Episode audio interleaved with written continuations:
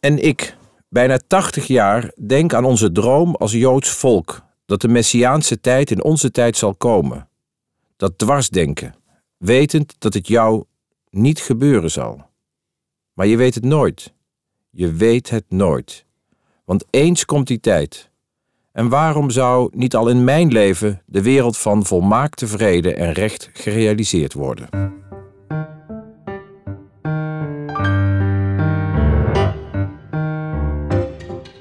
De Theologie-podcast gaat over wat vandaag speelt in kerk en theologie.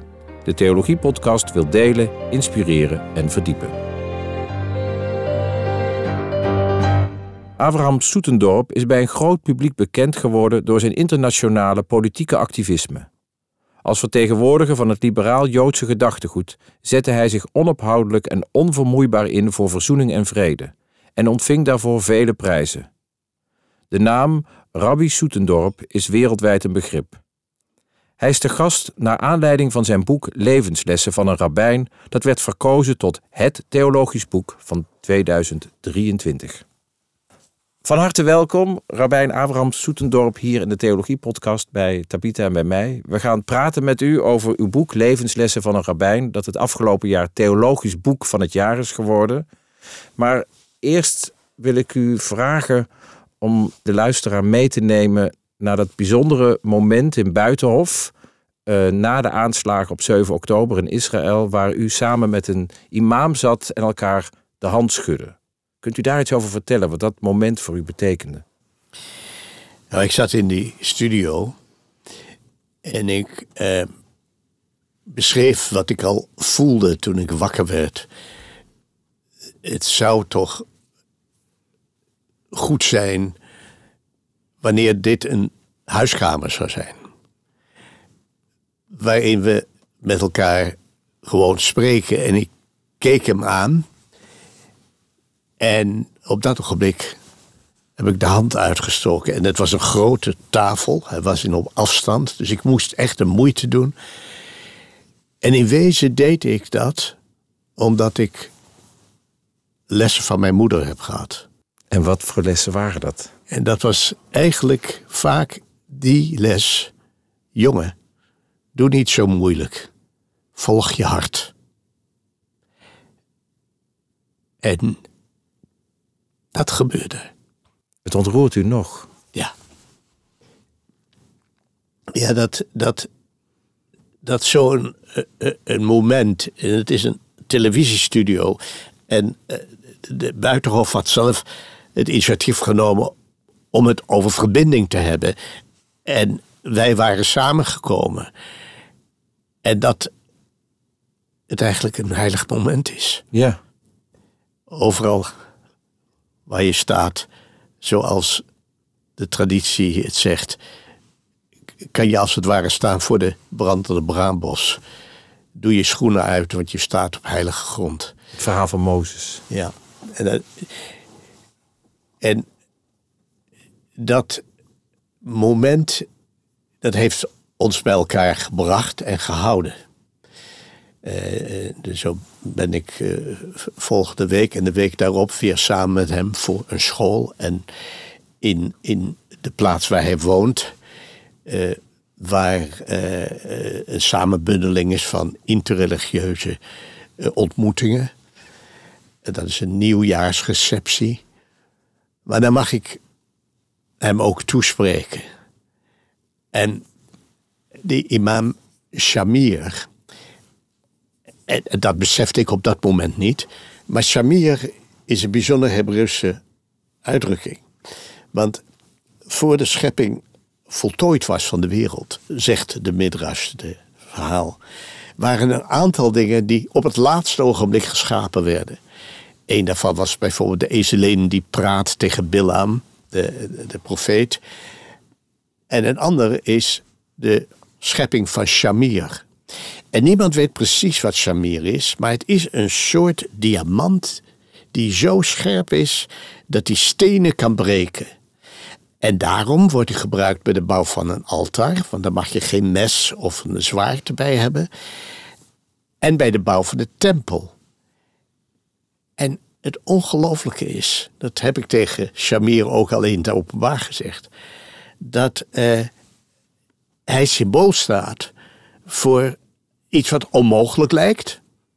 Want je kunt stenen niet uit elkaar halen op die manier, maar je hebt de Shamir.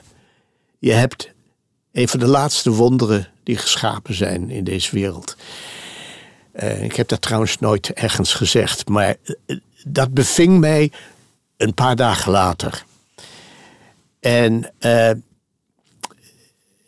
ik, ik heb nu van hem gehoord. Hij is nu ook in mijn synagoge geweest en daar is ook een uitzending mee geëindigd uh, over het conflict. Hij zei: Ja, ik, ik ontvang allerlei reacties. Ik, ja, daar zijn heel veel positieve bij. Toen zei ik: Ja, er zijn ook wel negatieve bij. Toen zei hij: Ja, maar dat raakt mij niet. Ik wil verder. En uh, ik hoop dat ik binnenkort ook in zijn moskee zal zijn met imams en een aantal rabbijnen. En dat het, uh, dus die vonk gaat verder. En uw naam, uw eerste naam, luidt Shalom. Dus het is Shalom en Shamir. Ja, daar heeft u gelijk. En dat is, dat is ongelooflijk. Dat, dat is, dat heb ik in mijn boekje beschreven. Dat is het moment dat mijn vader mij aangeeft bij de burgerlijke stand. U bent geboren in 1943 in de oorlog? Ja, het was dus uh, februari 43. En uh, het gevaar was heel dichtbij.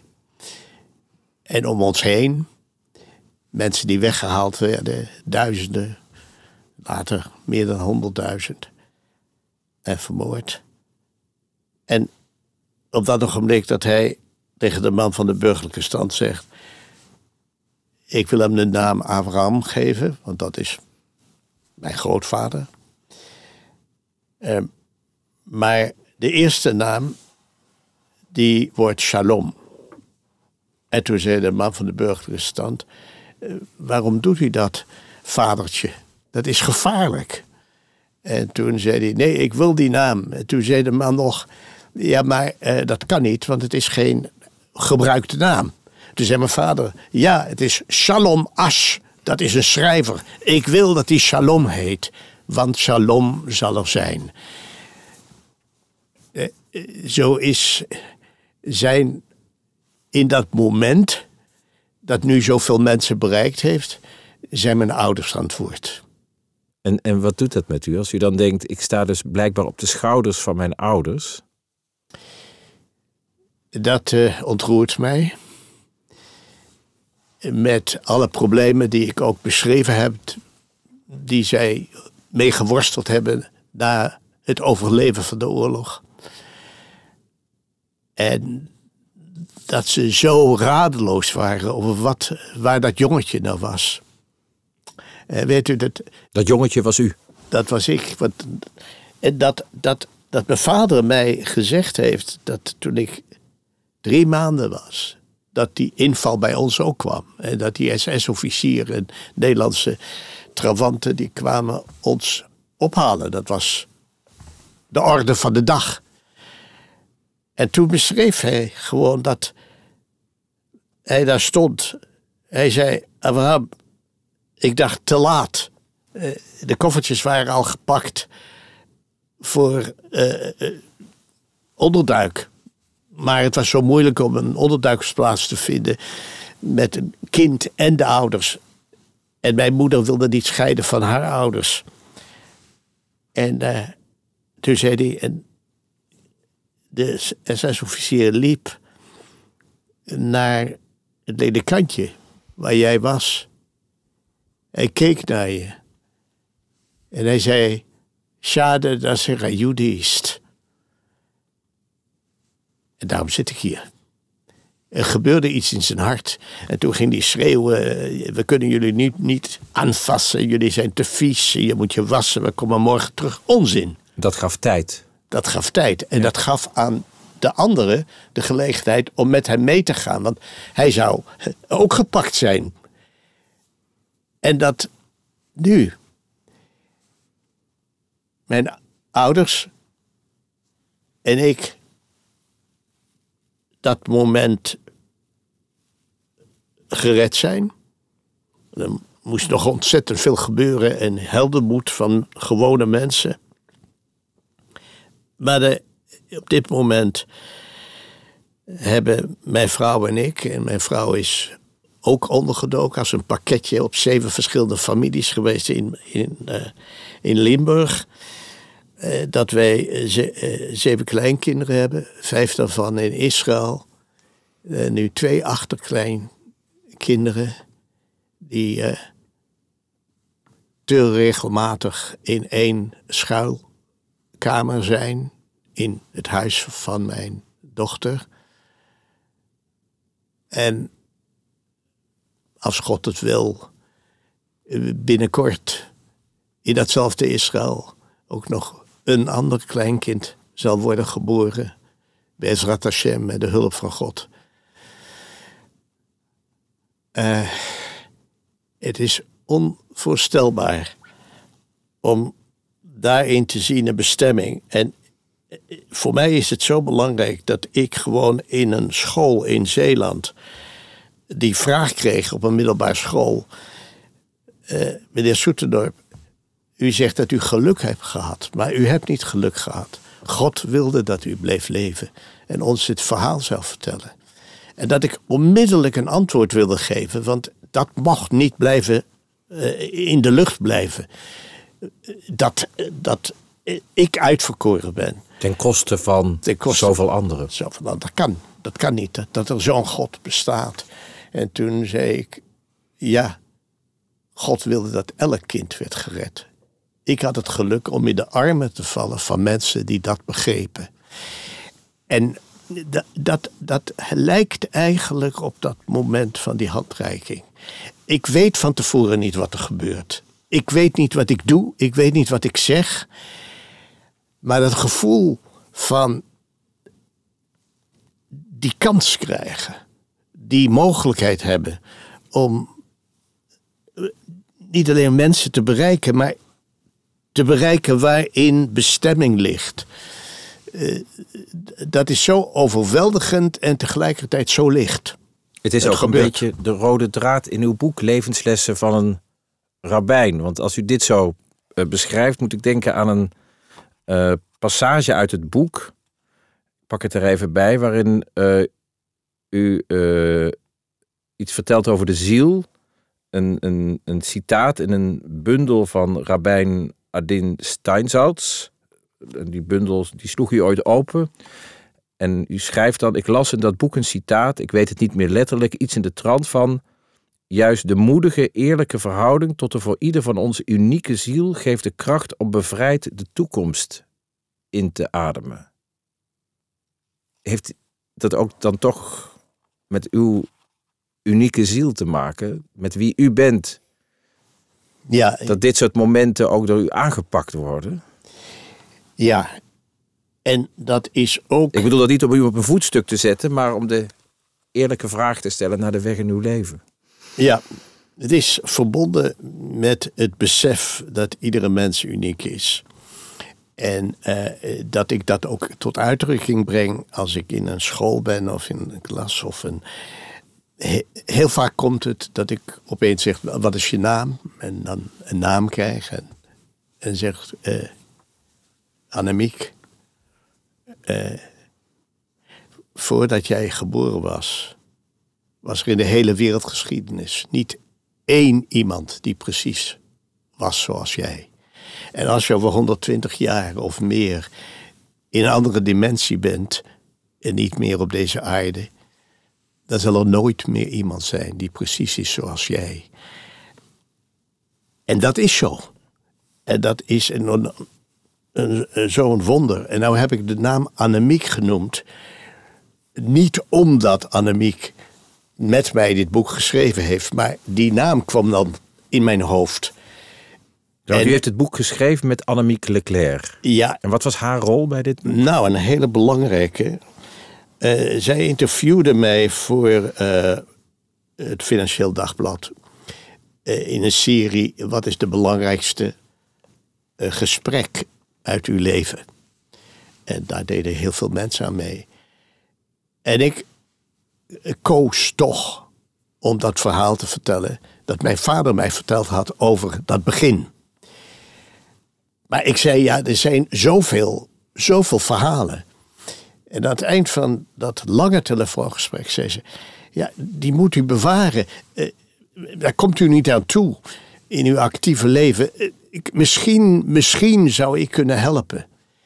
En zij heeft de sleutel. Want zij heeft toen, uh, na een jaar, er, waar, is een uitgeverij die wilde uh, dat zij de biografie zou schrijven. Daar, daar, wordt nu ook aan gewerkt door twee historici. Maar op een gegeven moment zei ze, ja, dat kan ik niet. En ik wilde het ook niet. En toen kwam een gedachte van levenslessen. En die kwam eigenlijk in het haar denken met een andere uitgever. De uitgever Balans is mijn eerste uitgever, 40 jaar geleden. En zij is in staat geweest, ze zegt ze heeft maar 10% gebruikt, uh, om gesprekken die door de telefoon of via de Zoom waren, vaak. Want het was in coronatijd, denk ik. Het was in coronatijd. Dat het boek ontstond. En het was in een tijd waarin mijn vrouw eh, geconfronteerd werd met een hele zware ziekte. Die gelukkig zij eh, weerstaan heeft na twee jaar van behandeling in ziekenhuizen. En, uh, en zij heeft die inleiding geschreven waarin ze zegt: Ja, ik had geen achtergrond, ook heel weinig religieuze achtergrond. En zeker niet van het Jodendom. Maar ik was daardoor degene die die vragen kon stellen. En uh, zij heeft geordend. En ik vind dat dat boekje ook weer laat zien de ongelooflijke belangrijkheid van samenwerking. En er waren heel veel mensen die tegen me zeiden. Eigenlijk ook een handdruk, dat boek. Het is een handdruk, ja. Het, het is, kijk, mensen zeiden tegen mij, uh, ah, je maakt het jezelf zo makkelijk. Je schrijft toch zelf? Je hebt altijd geschreven. Waar, heb je nodig? Ja, Annemiek Leclerc. Wie is Annemiek Leclerc? Ja, de, uh, Vrij Nederland, de, de, NRC. Ik zei, maar het maakt niks uit. Waarom doe je het? En nu het klaar is, toen het bij het laatste fase, toen heb ik als het ware God gedankt dat we elkaar ontmoet hebben. En uh, zonder die samenwerking, of het nou boek van het jaar werd, zou het niet zoveel mensen bereikt hebben. We zijn nu aan het denken over een, een tweede boek. En, ja, want u heeft maar 10% gebruikt. Althans, dat heeft Annemiek gezegd. Ja, ja, ja. Van we, de wijsheid. We, weten het, naar de biografie. We weten het niet, maar ik heb een gevoel dat het gaat in de richting van kavana. Dat is de instelling. Maar kunt u daar iets meer over vertellen? De nou, instelling van wat? Nou, als je een hele eerlijke poging doet. Uh, kavana is een volledige concentratie om iets te bereiken. Iets goeds te bereiken. Maar je bereikt het niet wordt het je toch aangerekend alsof je het bereikt hebt. Proberen telt ook, zou je kunnen zeggen. Ja, en als iemand, dat is dus in de Joodse traditie, als iemand iets slechts van plan is, maar het niet tot uitvoer brengt, wordt hem niet aangerekend dat hij het bedacht heeft. Dus de balans is het positieve. En ik, eh, het belang van eh, het zien en het willen doen uh, ja, zelfs gisteren was een, uh, ja, weer een dag die, die alles in zich had. Want in de ochtend uh, waren de demonstraties rondom het Vredespaleis. De, de, de podcast, misschien voor de luisteraar goed om dat toe te lichten. De podcast wordt opgenomen op het moment dat er inderdaad in Den Haag een, een, een rechtszaak wordt gevoerd tegen Israël door Zuid-Afrika aangespannen in verband met de oorlog Gaza-Israël. Ja, en eh, eh, nou, eh, Zuid-Afrika is voor mij voor altijd een teken van hoop.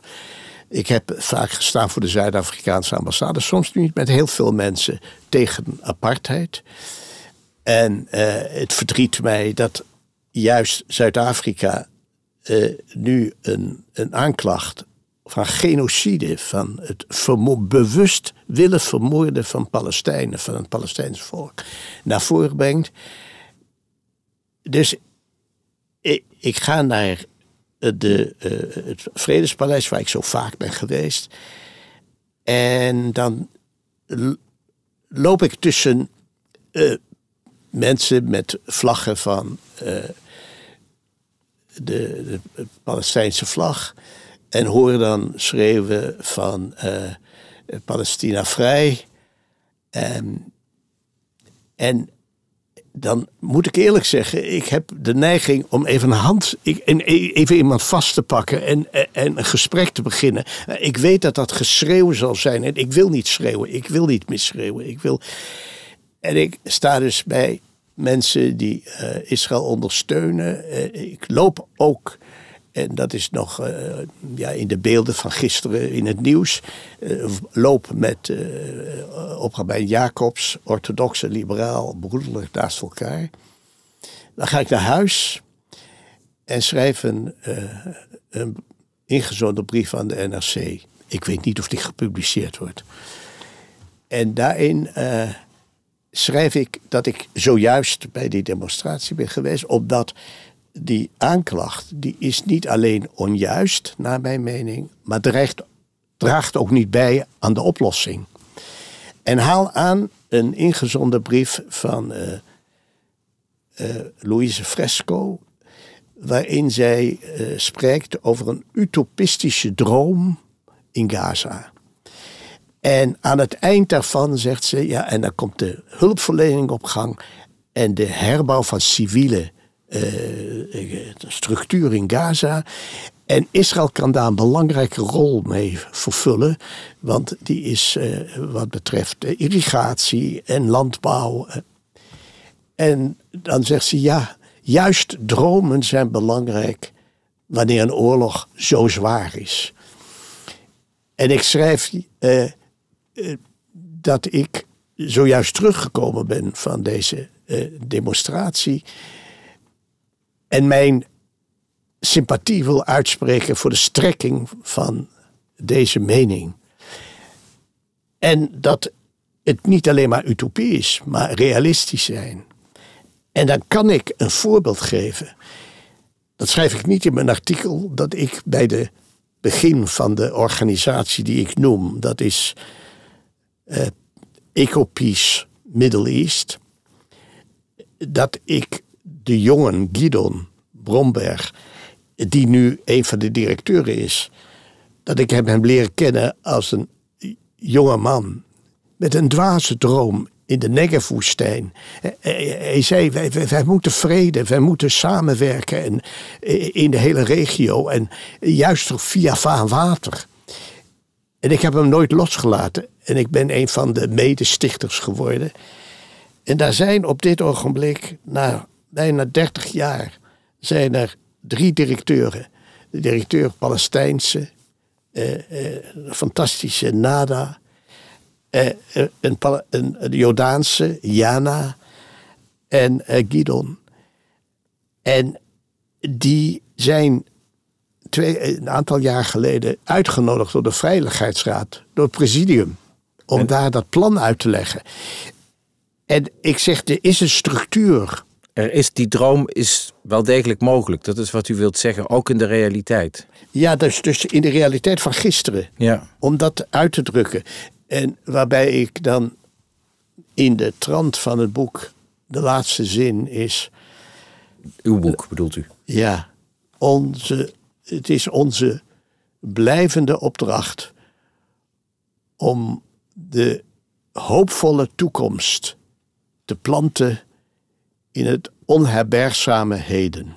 Ja, u schrijft ook de laatste zin van uw boek is ook... ja, ik ben ervan overtuigd dat wij erin zullen slagen... om van deze wereld een paradijs zullen maken.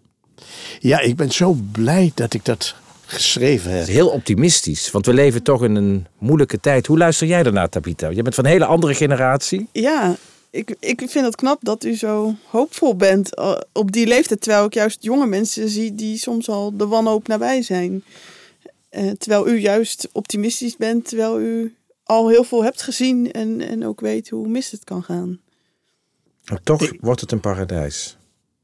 Ja, dat is, dat is natuurlijk een uitdrukking van het oeroude overtuiging van dit volk Israël. Anima min be'emuna shlema. Ik geloof met een volstrekt geloof in de komst van de Mashiach. En uh, als ik het zeggen mag, dat is juist zo belangrijk in de verbinding tussen Joden en christenen. Ik heb vroeger, uh, zei ik wel eens, maar dat zeg ik niet meer, want het klinkt badinerend, dat uh, die spanning die ons voortdrijft, dat die in het christendom soms een beetje als een elastiek waar de elasticiteit uit weg is. Dat, uh, ja, het afwachten. Dat zeg ik niet meer. Ik bedoel dat. dat maar ik denk dat juist die verbinding, en dat geldt ook voor de islam, en eigenlijk in alle spirituele tradities, is van een gevoel dat er een goede God is met alle namen. En dat wij verantwoordelijkheid hebben. En waarom gebeurt het niet? Wanneer komen we bij die tijd? En dan verschuift, dat moet God doen. Dat komt van de Mashiach. Die komt, dat is, en dan in het Jodendom is het bewustzijn dat je een groot deel van de weg zelf moet afleggen. En nou, naar de jongeren toe. Uh, de verbinding tussen jongeren en ouderen is zo belangrijk en zo vruchtdragend. En ik besef dat juist die eenzaamheid of die wanhoop van jongeren vandaag de dag. Ik, ik had dat niet toen ik over die verbinding sprak, zo'n tien jaar geleden. Toen beschreef ik het meer de lessen uit het verleden verbinden met de visioenen van de toekomst. En de visioenen van de toekomst legde ik bij de jongeren. En nu besef ik dat die visioenen van de toekomst, uh, die, daar is een wolk overheen. Mm. Daar is steeds meer uh, angst omheen. En uh, die domme ouderen, wij, die hebben niet alleen verzaakt om de vervuiling tegen te gaan, de zuiverheid van water, het najagen van het eigen belang. Maar ze hebben zelfs aan de jongeren ontnomen de mogelijkheid om dat visioen sterk te voelen. Maar ik heb niets aan de beschuldigingen van mezelf en van mijn leeftijdsgenoten. Want daar ligt ook de opdracht, want dat paradijs zal er toch komen. Dus tegelijkertijd is deze signalering dan ook weer een opdracht aan nieuwe generaties. Ja, om niet dat doemdenken. Dat, dat, dat, eh, er was Lea Dasberg. De, de, pedagoge, de pedagoge uit de jaren 70 die naar Israël verhuisd is. Ja. En die in, in haar beroemde uh, toespraak uh, uh, over de hoop zei: ja, het dreigen met, met doem en verdoemenis, hel en verdoemenis, heeft nog nooit iemand fatsoenlijk gemaakt. Maar het bieden van perspectief, van een mogelijkheid in de toekomst, heeft een enorme kracht. Dat, dat zei ze in de tachtige jaren, ja, of ja, begin tachtige ja. jaren. Ja. Dat is een hele actuele toespraak eigenlijk ook over hoop. En het is misschien ook wel wat u doet met uw boek, met de levenslessen die u aanreikt. Want dat zijn toch ook allemaal wenkende perspectieven om ja, het lot weer een beetje in eigen hand te nemen. Kan ik het zo samenvatten? Ja, ja, en bijvoorbeeld één, één verhaal die daarin staat. Ik had dus een probleem dat. Eerst was het een probleem, nu vind ik het als een zegen. Dat uh, Annemiek zei: Ja, ik wil dat pastorale benadrukken. Maar we hebben natuurlijk zwijgplicht en uh, de, de, veiligheid van het pastorale. En uh, daar hebben we samen een weg door gevonden. En dan is er één verhaal in, en dat gaat over Roos. Het zijn verhalen van ontmoetingen uit uw leven. En uh, dat is een verscheurend moment die bij pastoraat kan nog optreden. Uh, twee ouders horen twee weken van elkaar dat ze ongeneeslijk ziek zijn en binnen een korte tijd zullen overlijden. er zijn drie kinderen. Ik kom naar dat huis toe van treurnis. Ik, ik weet niet wat ik zeggen moet. Ik hou handen vast. En Roos neemt de regie op. De moeder. En die zegt, moet luisteren, dit is allemaal heel erg. En ze kijkt naar haar man en zegt, ik hoop dat ik nog iets langer kan leven dan jij. Want ik ben wat maar praktischer. En kijkt naar haar kinderen. Uh, oudste is 21. Uh, en zegt, uh, ik heb jullie nog veel te leren van hoe je moet koken en de was moet doen tot andere dingen. Dat hoop ik nog te kunnen doen. Trouwens, zegt ze, jij tegen de oudste, jij bent al verliefd, eigenlijk min of meer verloofd met Kees. Dus ehm, wat ik je zou aanraden of vragen is, willen jullie trouwen voordat ik dood ben? En dan kunnen die twee, jullie, twee zusjes bij jullie in opgroeien. En zo is het gebeurd.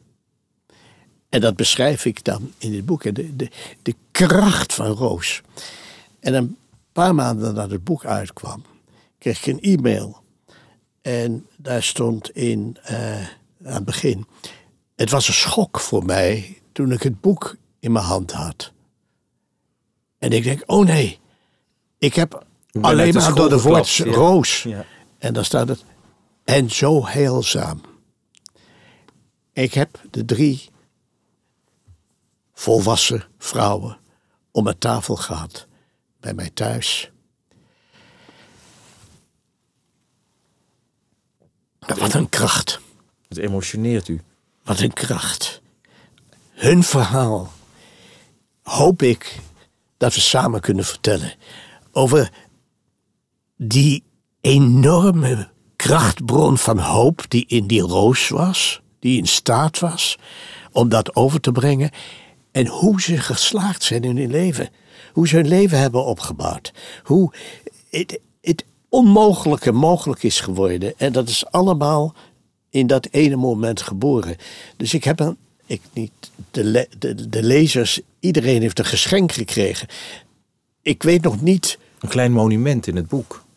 Ja, of een groot monument moet ik zeggen. Het is, ja, het is een monument in het boek en tegelijkertijd is hun verhaal van zo vitale betekenis. Dus ik, ik, ik wil heel voorzichtig uh, met hen misschien een klein boekje, misschien een verslag.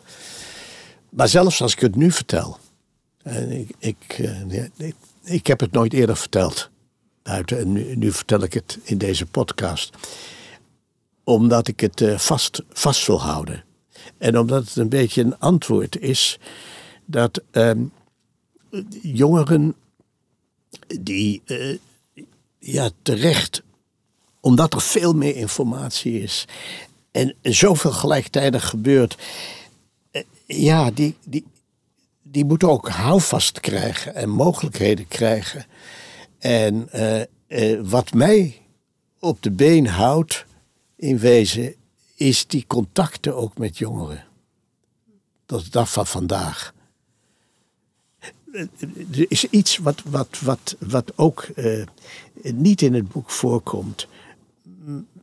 Maar dat is juist uh, bij het vervolg.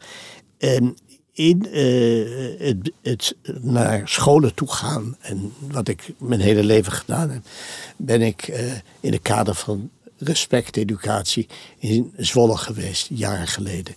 En ik kwam binnen en uh, daar zaten twee klassen, de hoogste klasse van basisonderwijs. En die zaten heel keurig van boven naar beneden. Het was zo'n uh, toneelopstelling. En ik dacht, ja, daar kom ik binnen met mijn keppeltje, met mijn grijze baard. Uh, en moeten ze een uur naar me luisteren. dus ik keek naar ze en ik zei, weet je, ik ben één keer ook net zo oud geweest als jullie toen een beetje lachen. Een beetje.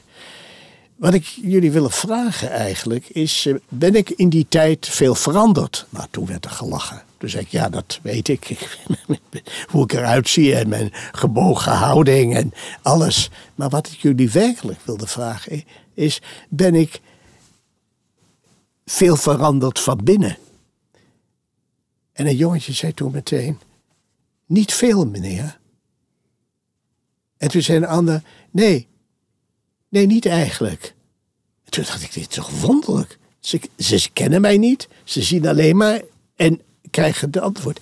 En toen besloot ik iets te doen wat tegen mijn natuur in is. Om in vervolg dat jaar, als ik in een klas kwam of een school, dat ik dan hetzelfde zou doen. Precies hetzelfde. Dat is helemaal tegen mijn natuur in, maar ik deed het. En elke klas, elke school kwam hetzelfde. Eerst wat lachen en dan niet meer, niet veel meer, meneer. Nee, u bent dezelfde gebleven. Wat betekent dat? Ja, dat vraag ik me dan ook af. Ja. Wat Ja, betekent en- dat? Nou, het is geen wetenschappelijk onderzoek. Het is gewoon de ervaring. Ik denk dat het betekent dat de vraag oproept: wie ben ik? En eh, ik ben nu. En wat ik nu voel. En door die vraag zit hij, eh, gaat dat nou weg? Gaat dat veranderen? Of blijf ik nog een beetje dat wat ik. En kijken naar mij, die daar misschien met de energie van een oude man die nog zoveel wil doen. En dan automatisch eigenlijk een antwoord geven wat ze hopen. Dus Dat u blijft. ja, maar dat ik blijf, dat, dat zij ook dat wat ze nu voelen, wat denken, dat ben ik, dat dat ook zal blijven. Met andere woorden, dat dat een kern is waaromheen alles wordt gebouwd, alles wordt geleerd. Dat je dus ook al de kracht in je hebt. Ja, maar de rest van je leven bij je blijft. dat dat zeker, dat dat in je blijft. En wat we nu bespreken is het wonder van de ontmoeting. Want ja, die, hand, die handreiking, Bij Buitenhof. maar in Zolle, daar gewoon op dat moment gebeurde iets. Eh, eh, Het lijkt zo onbelangrijk. Iedereen kan die vraag stellen. Eh, Ik bedoel, maar het antwoord wat ik kreeg in dat jaar heeft mij versterkt om dit jongen zeggen wat je nu bent. Vast, hou het vast. Het gaat niet dat je een totale verandering, want je, je, je wordt niet, je bent jezelf. Je bent je unieke zelf. En eh, ja, eigenlijk zou ik nu nog. Ik ga volgende week met Shamir naar een school in Laren. En daarna, eh, eh, Uit Buitenhof, de imam. ja. Dan, ik, ik, op, op dit ogenblik voel ik, ik, ik wil met energie nog eh, eh, zoveel scholen bezoeken. Oh, gisteren, dat twee leerlingen van een school hadden een Zoom-gesprek met mij. Want ik had geen mogelijkheid om ze no- nog te ontmoeten. En die schreven gewoon, mogen wij u interviewen? En wat ze schreven was zo ontroerend. En, de, eh, en, zeiden, en, en toen we hebben het met de docent besproken. En die was zo enthousiast. En toen heb ik meteen ge- teruggemaild. Ik wil het doen. We moeten, ik weet niet hoe, maar we willen het doen. En gisteren waren ze. En dat gesprek zit nog bij me. En zij, we kwamen erop. Want zij vroegen ook, ja, hoe, hoe, hoe gaat dat? Dat je iets wil en een goede gedachte hebt, hoe verspreidt zich dat? En toen legde ik dat uit, dat ook als je maar één bereikt. En dat we nooit alleen zijn. Dus dat wat je zegt, wordt gehoord. Of je het ziet gebeuren, het wordt gehoord. En eh, het was zo ehm, een Zoom-gesprek, wat de techniek ons liet, in een steek liet enzovoort. Het was heerlijk. Ik wil graag eh, afsluiten uit uw eh, boek Levenslessen van een Rabbijn met een, met een kort gedeelte. Ik, ik lees het u voor en ik, ik eh, ben benieuwd wat eh, u ervan vindt. Of wat uw reactie hierop is. Ook in, in de context van alles wat u nu al gezegd heeft. Onlangs vond men te midden van spullen van mijn broer Bension, die begin 2011 is overleden, een vergeelde overdenking van mijn vader voor het aansteken van de kaars op vrijdagavond bij het aanbreken van de Sabbat. Handgeschreven, eind jaren 50. Steek het licht aan, want in de wereld heerst het duister en we hebben het licht meegedragen van stad naar stad, van geslacht naar geslacht. Heeft Hij in zes scheppingsdagen in worstelende inspanning de wereld gemaakt en die erin wonen? En toen Hij heel zijn schepping zag, heeft Hij niet alles zijn zegen gegeven, zichzelf geprezen en gezegd: Dat is goed, dat is heel goed. Maar in mijn ogen is het niet goed, de wereld niet en niet die erin wonen. De wereld is verward en verdraaid. Het licht tot diep duister verdoft. Wat is zijn zegen dan en waar is hij? Misschien verhoort God mijn gebed omdat ik hem wil helpen met het licht dat ik heb aangestoken en met de zegen die ik uitsprak. Misschien laat hij in het Shabbatlicht zich zien, helpt hij ons om hem te vinden en zijn werk te doen. Misschien heiligen wij samen de Shabbat, de Shabbat van nooit stervende hoop met hem. Dat licht aansteken. Is dat niet wat u steeds weer beschrijft in de verhalen nu in deze podcast, maar ook in uw boek? Ja. En, in deze lastige wereld, hè? ook met wat er nu allemaal gebeurt. Ja, en het licht dat uh, mijn, vader, mijn vader brandende gehouden heeft. En uh, het licht dat in de synagoge altijd brandt, de neer tamiet, het eeuwige licht. Herdenken van al diegenen die ons zijn voorgegaan. Het feit dat we zeggen dat als je iemand herinnert, zoals ik, mijn vader, maar zoals ook Bension, mijn broer, uh, dat op dat ogenblik, wanneer je iets wat je leert uh, toedicht aan degene die het werkelijk heeft uitgesproken, maar niet meer leeft, dan breng je daarmee de Messiaanse tijd naderbij. En uh, het ongelofelijke was dat ik inderdaad op dat, dat vergeelde blad stuitte. En dat het nu zo'n belangrijk onderdeel is van het, van het boek. En van wie u bent en aansluit Van datgene wat niet verandert, dat licht steeds weer aansteken. Ja, en het licht heeft natuurlijk iets heel bijzonders. Dat je, eh, als het licht aangestoken is, kun je andere kaarsen aansteken en geen energie gaat verloren. Ik weet niet hoeveel kaarsen je kunt aansteken met één kaars.